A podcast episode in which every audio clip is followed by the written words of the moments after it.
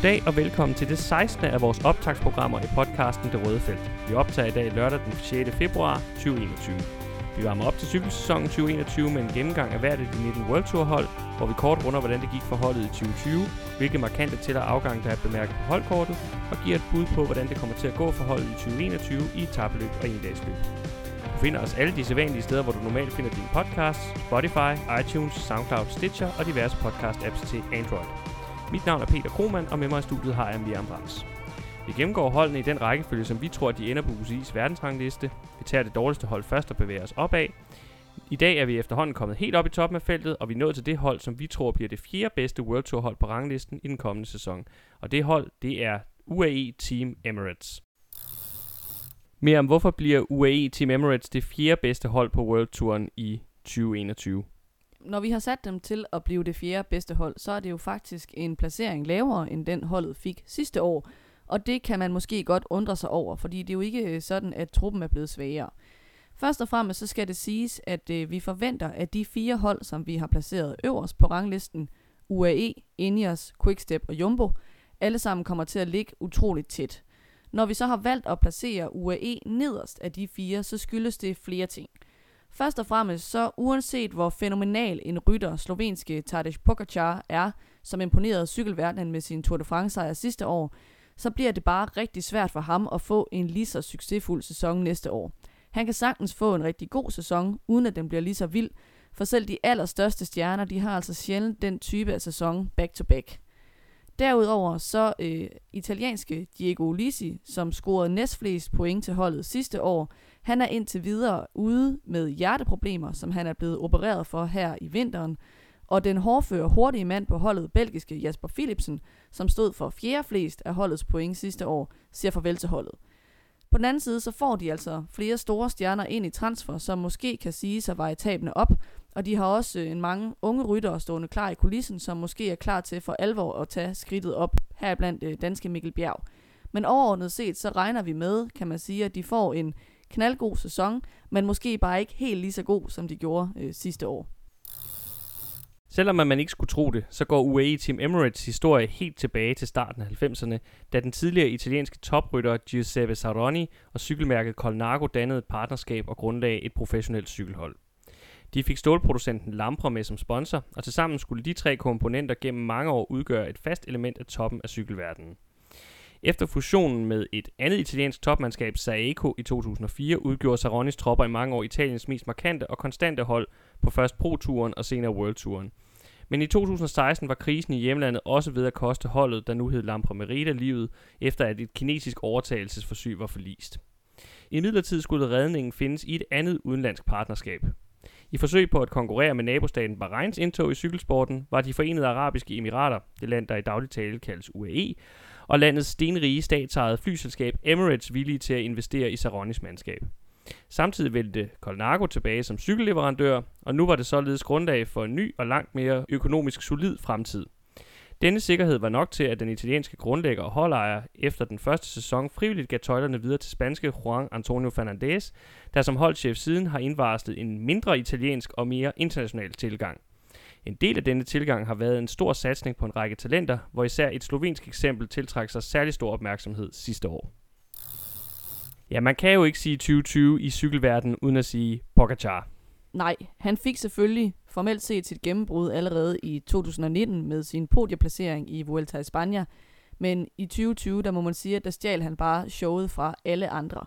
Selvfølgelig allermest imponerende med sin choksejr i Tour de France, hvor han lige så langsomt åd sig ind på sine konkurrenter ved at køre væk på et par bjergetapper et par gange tidligt i løbet. Og så i tredje uge, der kunne Primoz Roglic, som havde øh, den gule trøje, ikke for alvor ryste Pogacar øh, af sig i bjergene. Og så smadrede Pogacar jo bare alle konkurrenter, inklusive sin ven og landsmand Primoz Roglic, på den afgørende enkeltstart op ad det modbydeligt stejle bjerg, Planche de Belfi, hvor han så rev den gule trøje af Roglic og tog en Tour de France sejr, som helt klart vil gå over i historien, og han er altså bare 22 år gammel.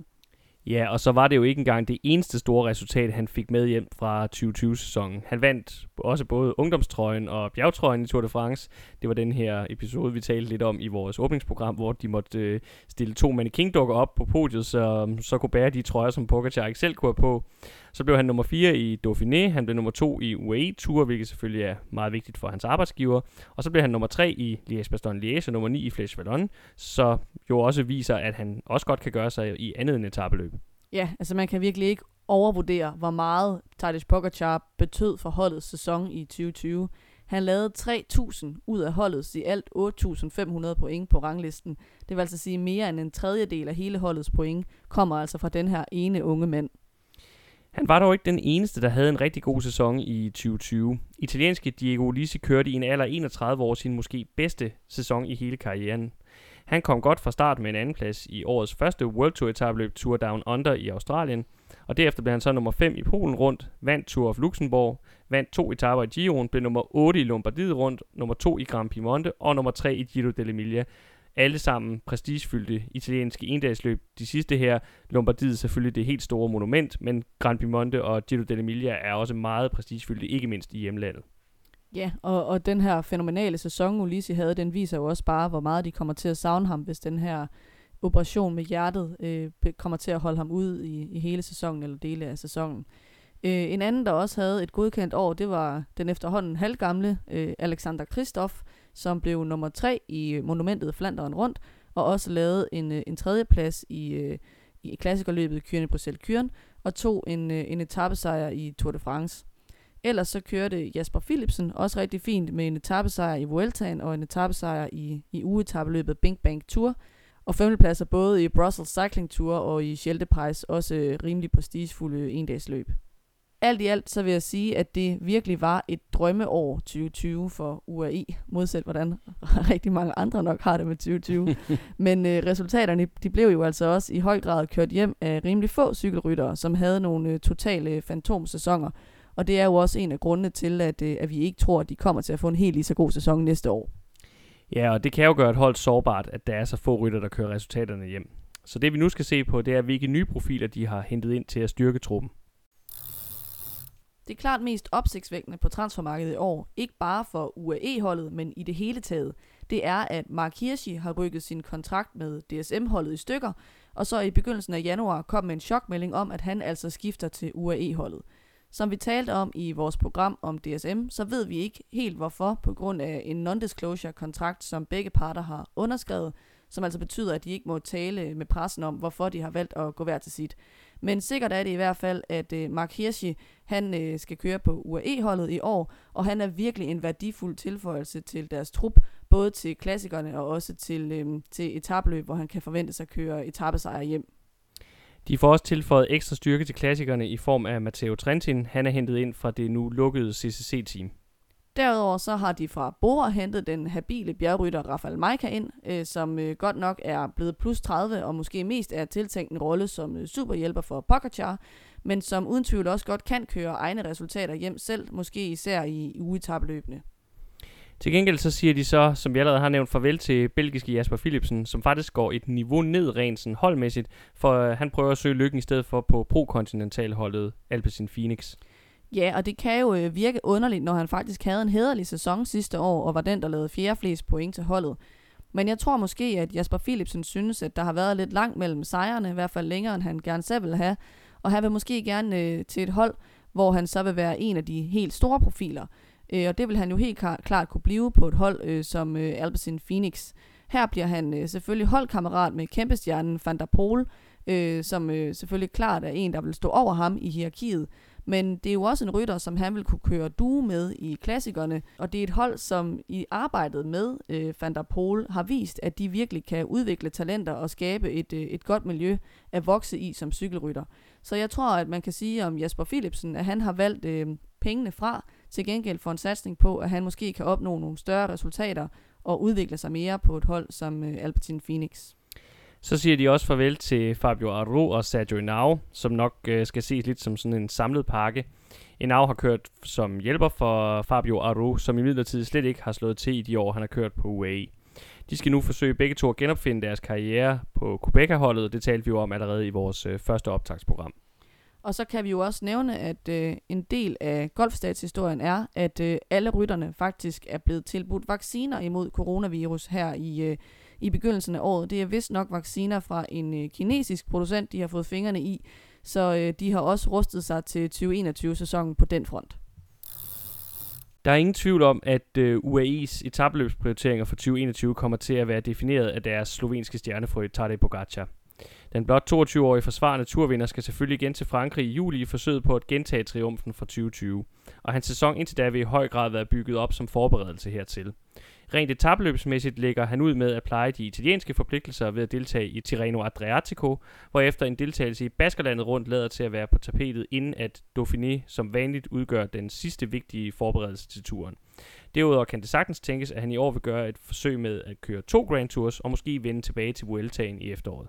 Ja, og så må ikke øh, den bjergrige øh, rute til OL også stå højt på prioriteringslisten hos øh, Pogacar.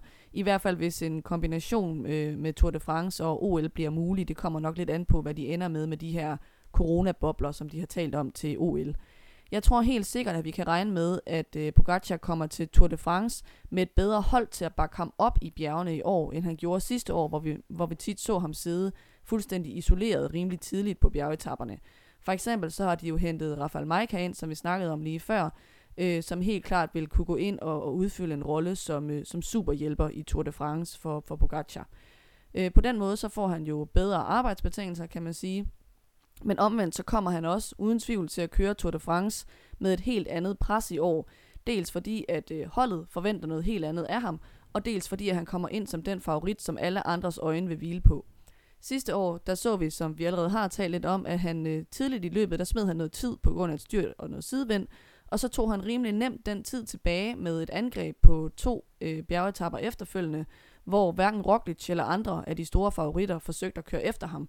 Så han fik ligesom lov at køre, kan man sige, fordi at de nok ikke regnede med, at han ville blive en trussel i det lange løb.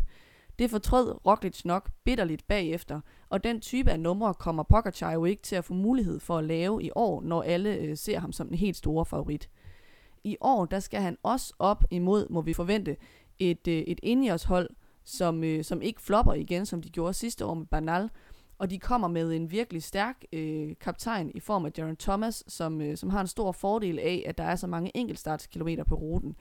Øh, den fordel har øh, Pogacar selvfølgelig også, øh, men det er nok ikke et sted, hvor han skal kunne regne med at tage tid på, på Jaron Thomas. Og Indias har jo i det hele taget et stærkt øh, hold legnet op. De har offentliggjort, at også Gegen Hart, der vandt øh, Giroen sidste år, og Vueltaens anden plads, Richard Carapaz, øh, også kommer med til turen. Øh, så han kommer virkelig til at skulle, øh, skulle op imod øh, et meget, meget bedre Indias hold, end det, som de stillede med sidste år. Jeg tror helt klart, at det er realistisk, at Pogacar han ender på Tour de France podiet igen. Men der er benhård konkurrence i turen, så om det bliver som nummer 1, 2 eller 3 på podiet, synes jeg er meget svært at spå om, hvis han overhovedet ender der. Øh, og jeg synes helt klart, at, øh, at holdets indstilling skal være, at et podie vil være en godkendt indsats fra hans side. Udover Tadej Pogacar må vi nok sige, at holdet ikke er vildt stærkt besat til etabeløbene. I hvert fald så er resten af rytterne, af dem de har, der har en eller anden form for klassementsresultater på deres palmarès, det er ryttere, hvor vi må sige, at de befinder sig nok i andet eller tredje gelede, når vi vurderer favoritter til etabeløb. Ja, altså det er jo navne som for eksempel øh, nytilkommende Rafael Majka, øh, Davide Formolo, David de la Cruz, Øh, vi må nok forvente, at i hvert fald nogle af dem, hvis ikke dem alle tre, vil blive sendt til Tour de France som, øh, som superhjælper øh, for Pogacar.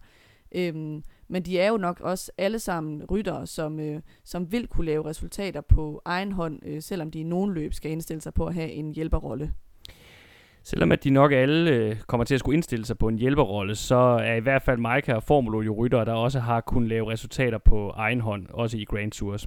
Formulo har en øh, 9. plads i Vueltaen og to 10. pladser samlet i Gio'en.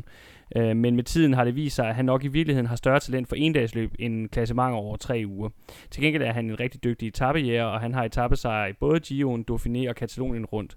Og et øh, talent, som man helt sikkert godt kunne dyrke mere. Altså det er et talent for ham, det her med etappesejre, som han helt sikkert kan dyrke mere, i stedet for at køre efter en lidt ligegyldig placering i bunden af top 10. Maika, han er jo før blevet øh, tre i Vueltaen, men det ligger så tilbage i 2015. Siden da har han faktisk ikke øh, ramt podiet i en Grand Tour. Og selvom han for eksempel i 2019 blev sekser både i Vueltaen og i Giroen, så synes jeg, at den her halvdårlige 12. plads, han øh, præsterede i Giro d'Italia sidste år, øh, måske viser, at hans øh, bedste år er bag ham, i hvert fald hvis vi snakker klassement i, øh, i Grand Tours set hen over tre uger.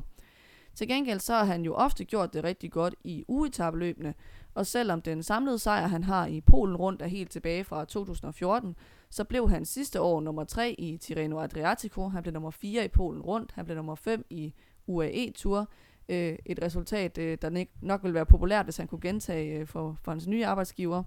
Øhm, så placeringer et sted mellem podier og, og top 10 i ugetabløbene, synes jeg bestemt, vi kan regne med at se Mike bidrage med den kommende sæson. Også selvom han skal ind og løfte en hjælperrolle for, for Pogacar i nogle af løbene. Så er der sådan en rytter som øh, David de la Cruz. Øh, han havde nogle år på øh, Ineos Sky, hvor han havde en rolle som klart defineret hjælperytter, og da han blev hentet ind til UAE, var det også umiddelbart den rolle, jeg i hvert fald havde set ham i, og det var også den funktion, han havde i turen i 2020, hvor han var Pogacars eneste nævneværdige hjælp i bjergene. I midlertid så viste han i Vueltaen sidste år, at han måske stadigvæk har lidt øh, Grand Tour potentiale i sig i sig selv, øh, da han højst overraskende kørte en syvende plads hjem i det samlede klassement i den spanske rundtur. Og han blev så også nummer 8 i Vuelta Burgos, et øh, etabløb på det næsthøjeste niveau, så måske kan han stadigvæk udgøre et alternativ i ugetabeløbene under de rigtige omstændigheder. Ja, men øh, jeg tror så omvendt også, man må sige, at potentialet er ikke mere end til, at han kan køre en top 10 hjem i den tunge ende af top 10. Og det, der sådan kendetegner hans måde at køre på, det er også, at den er sådan rimelig anonym, ligesom man måske kender med en, en Louis Menches. Altså han, han vækker ligesom ikke opsigt undervejs i løbet af en Grand Tour og, og tager etappesejre. Øh, så slider han sig måske hjem øh, blandt øh, de næste eller tredje bedste på en bjergetappe, og så ender han der i bunden af top 10. Øh, men han er, øh, jeg ser ham i hvert fald mere som en, der er tiltænkt en primær rolle som hjælper, og så kan det andet være sådan en sekundær ting. Udover dem, så er der den unge Brandon McNulty, det her amerikanske talent, som mange måske havde forventet ville øh, tage det store gennembrud sidste år. Han øh, lagde også udmærket fra land i Giro d'Italia, og kørte blandt andet øh, en enkelt rigtig flot øh, enkeltstart undervejs, øh, men han gik ligesom fuldstændig tør for luft øh, i, i den tredje uge i Giro d'Italia, og mistede også øh, sit klassement af den grund. Han har virkelig en, øh, en stærk enkeltstart, og han har meldt ud, at han igen i 2021 vil gå efter at prøve at lave den her top 10 placering i Giroen, som han havde håbet at lave sidste år. Jeg vil sige, at det, det nok er et mål, som er opnåeligt, hvis han kan løfte øh, niveauet lidt, og især hvis hans holdbarhed er blevet lidt bedre af, at han nu har prøvet at køre en Grand Tour. Øh, det plejer man jo at sige, at de her unge ryttere virkelig har gavn af at få den her øh, hærdelse, som man får af at køre øh, tre ugers etabeløb. Det vil så nok kræve, tror jeg også, at han... Øh, han løfter niveauet i bjergene, i hvert fald til at være et mere stabilt højt bjergniveau. Han er i hvert fald helt klart en, der er øh, værd at holde øje med øh, i den kommende cykelsæson. Også vil jeg sige ugetabeløb, hvor han sagtens kan, øh, kan lave nogle top 10 placeringer, for eksempel i et Paris-Nice og et Romandiet rundt, øh, gerne nogle ugetabeløb, hvor øh, en enkeltstart er et øh, centralt element, så han kan stjæle noget tid der. På sprintersiden, der har de to hovednavne. Den ene, det er kolumbianske Fernando Gaviria, som havde et virkelig miserabelt 2020. Blandt andet fordi han var hårdt ramt af coronavirus, og så også fordi han strandede rigtig længe i Emiraterne i karantæne. Så han har i hvert fald noget, at han skal revancere her i 2021. Og så er der ham her. Alexander Kristoff! Alexander Kristoff! Alexander Kristoff! Ja. Kom igen! Ta nå denne etappen, ja. da! Ja. ja! ja! Alexander Kristoff vinder Flandern og det er jo vores norske naboers store held, Alexander Kristoff. Ja, når han vinder, så, øh, så tror jeg, at de norske kommentatorer kan høres i alle andre kommentatorbokse i, øh, i målområdet. Jeg synes, i forhold til øh, de her to sprintere, så er det interessante, om UAE vil vælge at tage en sprinter med til Tour de France, som de gjorde i 2020-sæsonen, hvor Kristoff også var en prioriteret rytter øh, sammen med Pogacar, eller om de vil gå efter øh, et rent bjerghold for at satse benhårdt på, at øh, Pogacar han skal lave Tour de France tejr nummer to. Christoph er efterhånden blevet 33 år, øh, og jeg tror, at vi mest kan forvente at se ham vinde på rigtig hårde dage, hvor han kommer til mål med et reduceret felt, eller hvor alle andre bare er tappet for energi. Det var også den type af etappesejr, han vandt i turen sidste år, øh, hvor det bare havde stået ned i stænger hele dagen, og alle bare var totalt kolde øh, både øh, øh, i forhold til temperatur og i forhold til manglende kræfter. ja. øh, og i, i den setting, der er han virkelig, virkelig stadig stærk, Kristoff. Men i sådan en regulær spurt imod øh, top 5, top 10 af verdens bedste sprinter, der, der kan han ikke øh, regne med at, at vinde sejre længere. Gaviria har jeg aldrig haft specielt øh, stor fidus til. Han har sådan en lidt ærgerlig tendens til at vælte i opløbet eller placere sig forkert. Øh, så det er alt for tit, at han slet ikke når med hjem øh, til at, at gøre sig gældende på opløbsstrækningen. Men øh, en Gaviria i topform kan klart vinde et, et par etapper, for eksempel i en Giro d'Italia. Øh, men altså, hvis de vælger at tage en sprinter med til Tour de France, så tror jeg helt klart, at, det, at de vil vælge Kristoff, fordi han er nok det mest sikre kort til at tage en eller anden form for etappesejr med hjem. Jeg vil bare lige indskyde her, at noget af det, jeg virkelig beundrer Alexander Kristoff for, det er, at han er nok den rytter i feltet, den hurtige rytter i feltet, der er bedst til ligesom at bevare sin topfart, uanset hvor hårdt det løb, han har kørt, det er. Det gælder sådan set uanset om vi snakker etabeløb i Grand Tours eller klassikere. Han har bare altid den samme topfart, når han når til mål, og det gør jo, at øh, der er mange andre, der som er meget mere påvirkelige af omstændighederne, der får det svært med ham, hvis det er efter en meget, meget hård dag i sadlen. Hvis vi lige kort skal tage danskerbrillerne på til sidst, så var det jo fedt at se Mikkel Bjerg vise sig flot frem på både enkeltstarter og udbrud i Gio'en sidste år. For ham der bliver hovedfokus her i 2021 nok OL og VM i enkeltstart, men må ikke, at øh, vi også kan vente at se ham på jagt efter især øh, enkeltstart til i løbet af sæsonen i etabløb, og så kan det også være, at der er et, øh, et udbrudsforsøg eller to gennem de ham. Ligesom at Mark Hirschi har stjålet overskrifterne på transfermarkedet i år, så må han vel også sige sig at være det stærkeste navn i UAE's klassikertrup til den kommende sæson. Ja, det synes jeg slet ikke, der kan herske nogen tvivl om. Vi har jo talt om Mark Hirschis fuldstændig suveræne 2020-sæson i tidligere programmer. Han er den her unge Schweizer, som bare drønede ind i det professionelle felt sidste år. Blandt andet lavede han en første, anden og tredje plads på Tour de France etapper. Han, lavede, øh, han fik en sejr med hjem i klassikeren Flèche Wallonne. Han lavede en anden plads i monumentet Liège-Bastogne-Liège, som øh, Roglic vandt, og han fik en bronzemedalje med hjem fra VM, bare for at nævne nogle af hans flotte bedrifter. Han er først og fremmest en virkelig lynhurtig afslutter i Ardenner-lignende løb med sådan nogle hissige, korte stigninger, gerne tæt på mål eller lige op til mål. Det helt store spørgsmål for ham i 2021, det er selvfølgelig, om han kan følge op på sidste års sæson. Ligesom med Pogacar kan man sige, at øh, at det kan virke svært, fordi at det bare er sjældent, at man ser cykelryttere have så gode sæsoner to år i træk. Omvendt så kan man sige, at øh, han er jo pur ung, så der er jo udviklingspotentiale i ham stadigvæk, og i det hele taget så virker øh, potentialet bare enormt stort for ham. Øh, så det kan godt være, at vi vil se ham øh, køre lige så godt eller endda endnu bedre end, øh, end sidste år. Vi forventer i hvert fald som minimum at se ham blande sig i toppen af Ardennerløbene. Jeg vil ikke blive overrasket, hvis han hiver endnu en stor sejr hjem, for eksempel i et Amstel Gold Race eller i, øh, i Liège-Bastogne-Liège. Omvendt så må han nok også indstille sig på, at han måske skal yde en eller anden form for støtte for Pogacar, i hvert fald hvis han kommer med til, til Tour de France. Omvendt kan man også sige, at det, øh, det bliver måske ikke mere, end at han samtidig vil kunne jagte en, øh, en etappesejr eller to til sig selv, som vi for eksempel så øh, Van Aert gøre det på Jumbo Visma-holdet sidste år, selvom at han også skulle, øh, skulle yde støtte til øh, kaptajnen Roglic. Så kunne jeg også godt forestille mig, at han gerne vil øh, med til OL og have chancen der, fordi selvom ruten er bjergrig, så så vi ham jo have virkelig stor succes på en også meget hård VM-rute sidste år.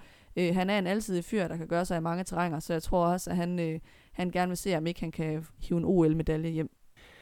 Hvis vi så kigger lidt på en anden af de nytilkommende, nemlig Matteo Trentin, så er der ikke nogen tvivl om, at han også er en stærk tilføjelse til deres klassikertrup, i hvert fald på papiret. Når man ser på hans resultatliste i klassikere og semiklassikere, så er der ikke nogen tvivl om, at han er en meget alsidig og en meget arbejdsom rytter, der gennem tiden har formået at holde sig til og gøre det godt i rigtig mange typer af endagsløb med brostenene som den tydeligste force for ham. Med hans øh, meget giftige afslutning, han er en rimelig hurtig rytter, og så burde han egentlig have hentet en del triumfer, kunne man så tænke sig hjem på den her øh, front. Men imponerende nok, så tæller hans øh, palmarès kun to sejre i øh, endagsløb, nemlig, altså sådan i store endagsløb, nemlig Paris Tour fra 2017, og så, også, som han også vandt i 2015, og så Primus Classic, som han vandt i 2017. For Trenton har haft en meget uheldig tendens til simpelthen ikke at være holdbar nok på, den aller, på de allerstørste scener. Det bedste eksempel, det var måske næsten øh, VM i 2019 i Yorkshire, hvor han i sidste ende ikke havde kræfterne til at udfordre vores egen Mads Pedersen i spurten om, øh, om VM-titlen. Nej, Trentin har nok stadig mareridt over den spurt, han tabte til øh, Mads Pedersen øh, ved VM. Jeg tror, det var Rolf Sørensen, der udtalte, at Trentin kommer aldrig til at slå Mads Pedersen i en spurt igen, fordi den slags sætter sig i en mentalt. Og Mads P's øh, helt store sejr i 2020 gen Wevelgen, det var der også netop i en spurt mod Matteo Trentin, som altså igen måtte nøjes med, med andenpladsen, så måske der er noget om snakken. Derudover har han det tydeligvis svært, når det bliver rigtig langt og rigtig hårdt, altså når ruterne bliver rigtig, rigtig lange. Således øh, har han på trods af, at han har top 10 placeringer i andre sådan rimelig store og anerkendte brostensløb som Gent Wevelgem og Omlop og e I3, så har han aldrig formået at nå det tilsvarende i de to brostensmonumenter, Flandern rundt og Paris-Roubaix. Der er han stadigvæk uden top 10 placeringer. Trentin skal nok øh, regne med at dele kaptajnrollen i brostensklassikerne med øh, norske Alexander Kristoff. Øh, I modsætning til Trentin, så har han jo netop den her virkelig gode holdbarhed. Han har blandt andet vundet Flanderen rundt og Milano Sanremo, som ikke bare er to af sportens største løb, men også er to af sportens allerlængste løb. Øh, og så, øh, så sent som i 2019, så vandt han faktisk også øh, klassikeren Gent Wevelgem. Så han har stadig noget at, at skyde med, selvom benene er blevet øh, 33 år. Selvom de her to øh, rytter ikke er blandt de allerstørste favoritter i, øh, i klassikerne, så har holdet øh, i de to stadig en, øh, en okay duo til den her type af løb, og vi kan helt klart øh, regne med, at de vil blande sig, øh, om ikke andet så i hvert fald i striden om øh, top 3 og top 10. En rytter, der bliver central til det mere kuperede terræn, om ikke andet så til, som et øh, supplement til Mark Hirschi, det er Davide Formulo. Han har fundet noget potentiale, som vi allerede har talt om i endagsløbene, efter hans tidligere satsning på et tabløb ikke nåede de helt store højder. Han havde en rigtig, rigtig fin 2019-sæson, hvor det blandt andet blev til en øh, flot andenplads i Liège-Bastogne-Liège, lige efter vores egen Jakob Fuglsang. Og det blev så fuldt op sidste år med en andenplads i Strade Bianche. Han havde dog derudover ikke øh, de store resultater sidste år, men han har altså vist, at han kan være med, når det bliver kopieret. Og øh, både et løb som Strade Bianche, som han jo som sagt var tæt på at vinde sidste år, og den er klassikerne, og så de virkelig hårde løb i hjemlandet, altså i Italien, det bør han kunne være en outsider til så er Pogacar selvfølgelig heller ikke øh, til at komme udenom i, øh, i den her type af løb. Han viste øh, sidste år, at han er altid nok til, at han også kan begå sig i kuperet endagsløb, hvor han som tidligere nævnt jo blev nummer 3 i Liège-Bastogne-Liège og nummer 9 i Flèche Wallonne. Ardennerløbene er normalt rigtig gode at kombinere med en satsning på Tour de France, fordi at det passer med, at man kan formtoppe to gange. Så må ikke vi også vil se ham blande sig i kampen om sejren der. Og der tror jeg også, at, øh, at Formula må indstille sig på, at, at være underkaptajn til, øh, til Pogacar i lige præcis det løb. Hvis øh, Pogacar stadig er sulten til efteråret og har noget juice tilbage i benene efter turen, så kunne han nok også godt finde på at stikke hovedet frem i, øh, i løb som Lombardiet rundt og, og klassiker San Sebastian i Spanien. Normalt vil vi også nævne Diego Ulisi, når vi snakker om øh, det her holds profiler til klassikerne. Men med hans problemer med hjertet er det svært at spå om, hvornår han er klar til at køre på cykel igen. Det forlyder, at han er gået igennem en vellykket operation, men det er klart, at hjerteproblemer er alvorligt, når vi snakker cykelsport. Og hvorvidt han kan nå at køre sig i topform inden dennerne, det er meget uvist på nuværende tidspunkt.